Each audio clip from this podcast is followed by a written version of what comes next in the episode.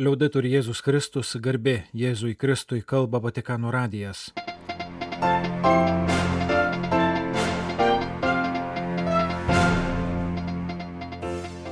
Malonus klausytojai šioje programoje. Pasauliečių tarnystė bažnyčioje neapsiriboja vien įsteigtomis tarnystėmis. Popiežiaus audiencija piligrimams. Penkių Paryžiaus komunos laikotarpio kankinių kunigų betifikacija trečiasis Velykų sekmadienis.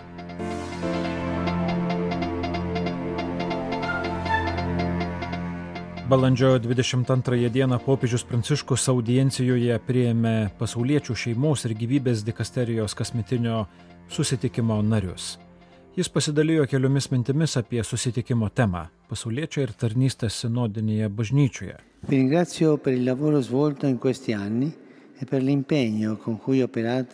Pranciškus padėkojo už viską, ką dikasterija atidi kasdienybės džiaugsmams ir sunkumams daro tarp šeimų, jaunų, senų ir pasauliečių tikinčiųjų asociacijų.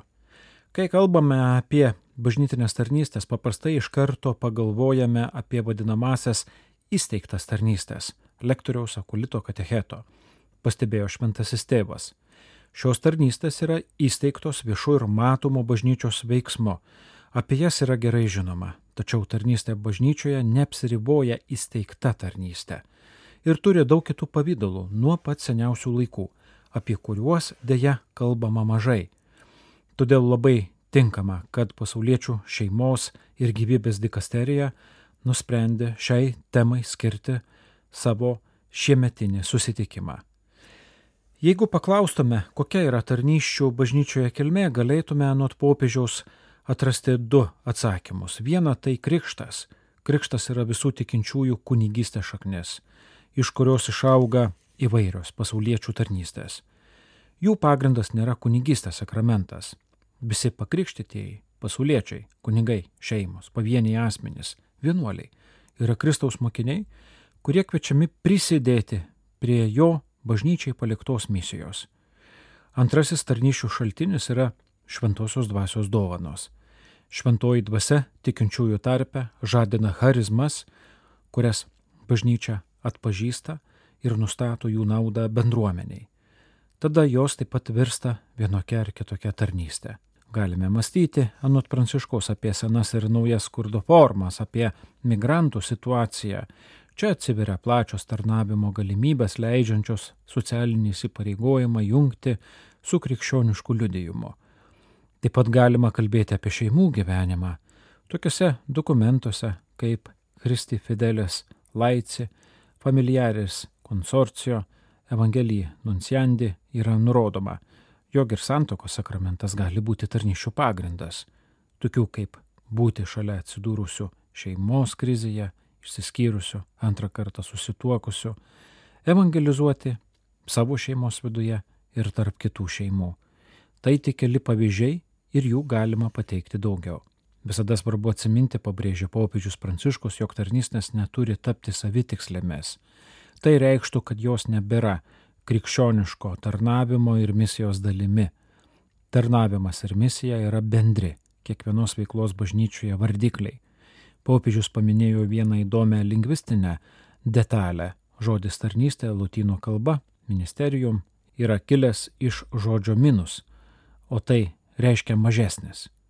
Jėzaus mokinys nebijo tapti mažu, kad tarnautų kitiems. Ir pats viešpats yra pasakęs, kas norėtų tapti didžiausias iš jūsų, te bus jūsų tarnas. Ir kas panorėtų būti pirmas tarp jūsų, te bus visų vergas. Čia glūdi tikroji motivacija turinti skatinti kiekvieną tikintįjį imtis bet kokios bažnytinės užduoties, bet kokio krikščioniško liudėjimo aplinkoje, kurioje gyvena tai noras tarnauti savo broliams ir seserims, o juose Kristui. Tik taip, kiekvienas pakrikštytasis galės atrasti gyvenimo prasme, su džiaugsmu patirdamas, kad jis pats yra misija šioje žemėje, įvairiais būdais ir formomis pašauktas šviesti, laiminti, gaivinti, kelti, gydyti ir išlaisvinti. Savo programinio dokumento Evangelijai Gaudijom žodžiais apibendrino popiežius Pranciškus. Palaimintoji Armida Barelli buvo moterų lyderystės bažnytinėje ir socialinėje srityse pavyzdys. Sakė popiežius Pranciškus šeštadienį balandžio 22 dieną, susitikęs su grupe piligrimų iš Šiaurės Italijos, atvykusių padėkoti už šios moters vienos Italijos katalikų universiteto steigėjų beatifikaciją įvykusią pernai balandžio 30 dieną Milane. XIX amžiaus pabaigoje ir XX pirmoje pusėje Italijoje gyvenusi palaimintoji Armida Barelli savo pavyzdžių moko, kad būti apaštalais ir apaštalėmis reiškia būti pasauliečiais ir pasaulietėmis, aistringai įsipareigojusiais skelbti Evangeliją ir pagal ją gyventi, besirūpinančiais visų gerovę, tiesiančiais brolybės kelius, dalyvaujančiais teisingesnės visuomenės kūrime. Pasak Pranciškaus, žvelgdami į palaimintosios biografiją, matome, kaip drąsiai jis skaitė laiko ženklus ir su kokiu užsidegimu stengiasi atsiliepti į sparčiai kintančiame visuomenės gyvenime pasireiškiančius iššūkius. Gana atsiminti jos pastangas, kad jaunos moterys galėtų gauti išsilavinimą, taip pat jos darbą įdėtą į katalikų universiteto kūrimą. Cari fratelli e sorelle, la Beata Armida Brangus broliai ir seserys, kalbėjo Pranciškus, palaimintoji Armida padeda mums atpažinti asmenius šio laikinio krikščionio bruožus - kūrybingumą, apaštališką įuolumą ir rūpinimąsi pasauliu. Ognuno può accogliere il suo esempio secondo la propria vocazione. È una ricchezza per tutti noi, per tutta la Chiesa. Kiekvienas gali pasinaudoti jos pavyzdžių, vykdydamas savo asmeninį pašaukimą. Tai yra brangus turtas mums visiems, visai bažnyčiai. Balandžio 22-ąją Paryžiuje palaimintaisiais paskelbti penki vienuoliai ir kunigai 1871-aisiais sušaudyti Paryžiaus komunarų. Betifikacijos apieigoms vadovavo kardinolas Marcello Semiraro, šventųjų skelbimo dikasterijos vadovas atvykęs iš Romos. 1871 Prancūzijoje buvo labai neramus. Po ką tik pasibaigusio Prūsijos ir Prancūzijos karo žlugo imperinė santvarka ir buvo įsteigta vadinamoji Trečioji Respublika. Tuo pat metu gimė vadinamasis komunų revoliucinės miestų savivaldos judėjimas sukeltas įvairių politinių ideologijų, įskaitant socialistinės struves. Po inirtingų pilietinių susirėmimų Trečiosios Respublikos pajėgos paėmė viršų o komuna pralaimėjo. Aukų priskaičiuojama tūkstančiai. Šiame kontekste įvyko penkių Paryžiaus kunigų, nužudytų 72 dienas gyvavusios Paryžiaus komunos laikotarpiu kankinystė. Jie buvo sušaudyti 1871 gegužės 26 su keliomis dešimtimis kitų asmenų - žandarų, civilių ir dvasininkų, įskaitant Paryžiaus arkivyskupą Žoržą Darbuą. Po dviejų dienų Trečiosios Respublikos pajėgos palaužė paskutiniuosius pasipriešinimo žydinius Paryžiuje, padėdamos tašką Paryžiaus komunų sukelimui. Betifikacijos apieigose Šventojo Sulpicijaus bažnyčioje Paryžiuje palaimintaisiais pripažinti švenčiausiųjų Jėzaus ir Marijos širdžių kongregacijos kunigai - Ladislasas Radikas, Polikarpas Tufije, Marcelinas Rušūzas ir Frezalis Tardijo taip pat Šventojo Vincento Pauliečio brolių kongregacijos narys Henry Plancha. Švenčiausiųjų širdžių kongregacijos kunigai buvo areštuoti 1871 balandžio 12. Ko jūs ieškote? Mes neužsimame politiką, pasakė kunigų namus atėjusiems komunarų gvardiečiams tėvas Ladislasas Radikas, namų vyresnysis. Jam buvo atsakyta, mes nebijome jūsų politikos bet jūs aukojate mišes, nešiojate škaplierius ir mes nenorime šių prietarų. Paryžiaus arkiviskopija pristato trumpas kankinių biografijas. Tėvas Ladislavas Radikas gimė Normandijos regione 1823-aisiais. 1843-aisiais įstojo į švenčiausiųjų širdžių kongregaciją. Po penkerių metų buvo išventintas kunigu. Dėl sugebėjimo derinti tvirtą charakterį, išmintingumą ir pedagoginius sugebėjimus, jam buvo patikėta kongregacijos naujokų formacija ir įvairios vadovaujančios pareigos 1850-1870 metų laikotarpiu, kurio metu taip pat netrūko didelių sukretimų.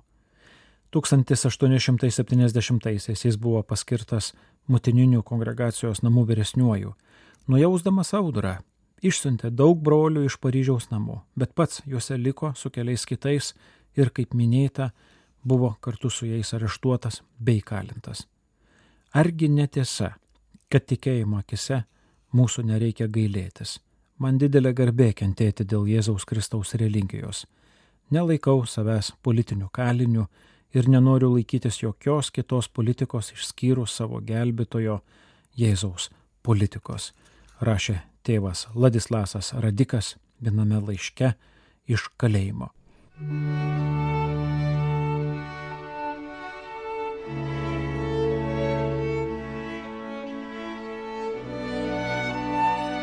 Trečiasis Velykų sekmadienis iš Evangelijos pagal Luką.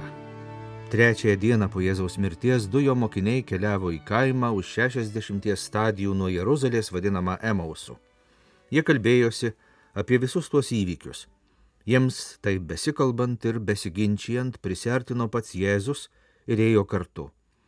Jų akis buvo lyg migla aptrauktos ir jie nepažino jo. O Jėzus paklausė, apie ką kalbate eidami keliu. Tie nuliūdę sustojo. Vienas iš jų vardu Kleopas atsakė jam, nejaugi tu būsi vienintelis ateivis Jeruzalėje nežinantis, kas joje šiomis dienomis atsitiko. Jėzus paklausė, o kasgi? Jie tarė jam, su Jėzumi Nazarėnu, kuris buvo pranašas, galingas darbais ir žodžiais, Dievo ir visos tautos akise. Aukštieji kunigai ir mūsų vadovai pareikalavo jam mirties bausmės ir atidavė jį nukryžiuoti, o mes tikėjomės, kad jis atpirksęs Izraelį. Dabar po viso to jau trečia diena, kaip tai atsitiko. Be to, kai kurios mūsiškės moterys mums uždavė naujų rūpeščių. Anksti rytą jos buvo nuėjusios pažiūrėti kapų ir nerado jo kūno. Jos sugrįžo ir papasakojo regėjusios pasirodžiusius angelus, kurie sakė Jėzų esant gyvą. Kai kurie iš mūsiškių buvo nuėję pas kapą ir rado viską, kaip moterys sakė, bet jo paties nematė. Jėzus jiems tarė, o jūs neišmanėliai, kokios nerangios jūsų širdys tikėti tuo, ką yra skelbę pranašai. Argi mesijas neturėjo viso to iškentėti ir žengti į savo garbę. Ir pradėjęs nuo Mozės, primindamas visus pranašus, jis aiškino jiems, kas visuose raštuose apie jį pasakyta. Jie prisertino prie kaimo, į kurį keliavo, o Jėzus dėjosi einas toliau. Jie privertė jį pasilikti prašydami, pasilik su mumis, jau vakaras arti diena jau besibaigianti. Tuomet jis užsuko pas juos. Vakarieniaudamas su jais prie stalo paėmė duoną, sukalbėjo palaiminimą, laužė ir davė jiems. Tada jų akys atsivėrė ir jie pažino Jėzų, bet jis pranyko jiems iš akių. O jie kalbėjo, argi mūsų širdys nebuvo užsidegusios, kai jis kelyje mums kalbėjo ir atvėrė raštų prasme. Jie tuoj pat pakilo ir sugrįžo į Jeruzalę. Ten rado susirinkusius vienuolika su savo draugais, kurie sakė, viešpats tikrai prisikėlė ir pasirodė Simonui. O jie papasakojo, kas jiems atsitiko kelyje ir kaip jie pažino Jėzų, kai jis laužė duoną.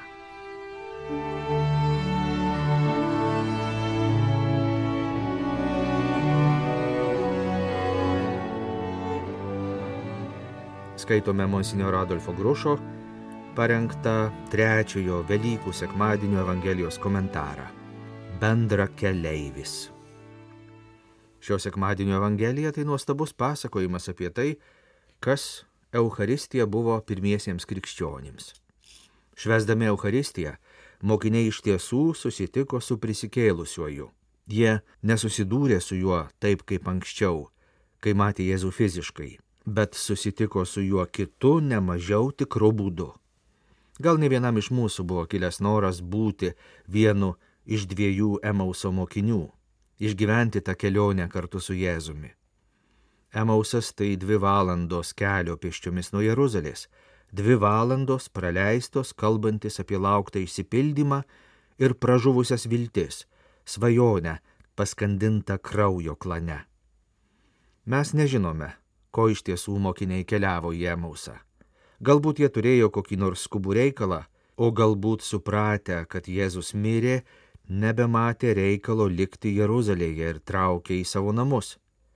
Tačiau kaip tik čia, tame kelyje, įvyko kažkas nuostabaus. Tikėjimas taip pat yra nuolatinė kelionė, nes Dievas visuomet yra niekada neįveikta viršūnė, o begalybė mūsų laukia prie kiekvieno posūkio. Prisartino pats Jėzus ir ėjo kartu. Jėzus neatima iš mokinių liūdėsio ir jų nepaguodžia, jis pirmiausia juos išklauso. Būti draugu tai tiesiog būti šalia, lydėti, kartu kelti sunkumus. Meilė yra klausimasis, dalymasis gyvenimu ir širdimi. Taip ir Jėzus eina su mokiniais ir jų klausosi, tačiau jie jo nepažįsta, nes yra pernelyg įsitraukę į savo problemas, skausmą, nusivylimą ir kančią. Tai būna visuomet pernelyg įsijautę į vieną dalyką, nesugebame matyti nieko daugiau. Labai daug krikščionių yra įstrigę didžiajame penktadienyje. Jie iš visos širdies yra atsidavę kryžiui, bet nepajėgia priimti užplūstančio Velykų džiaugsmo. Mums reikia labai gerai suvokti. Atsidavimas skausmui, kuriuo Dievas dalyjasi nukryžiuotajame, yra nepaprastas jaudinantis žvilgsnis į žmogų, kabantį ant kryžiaus.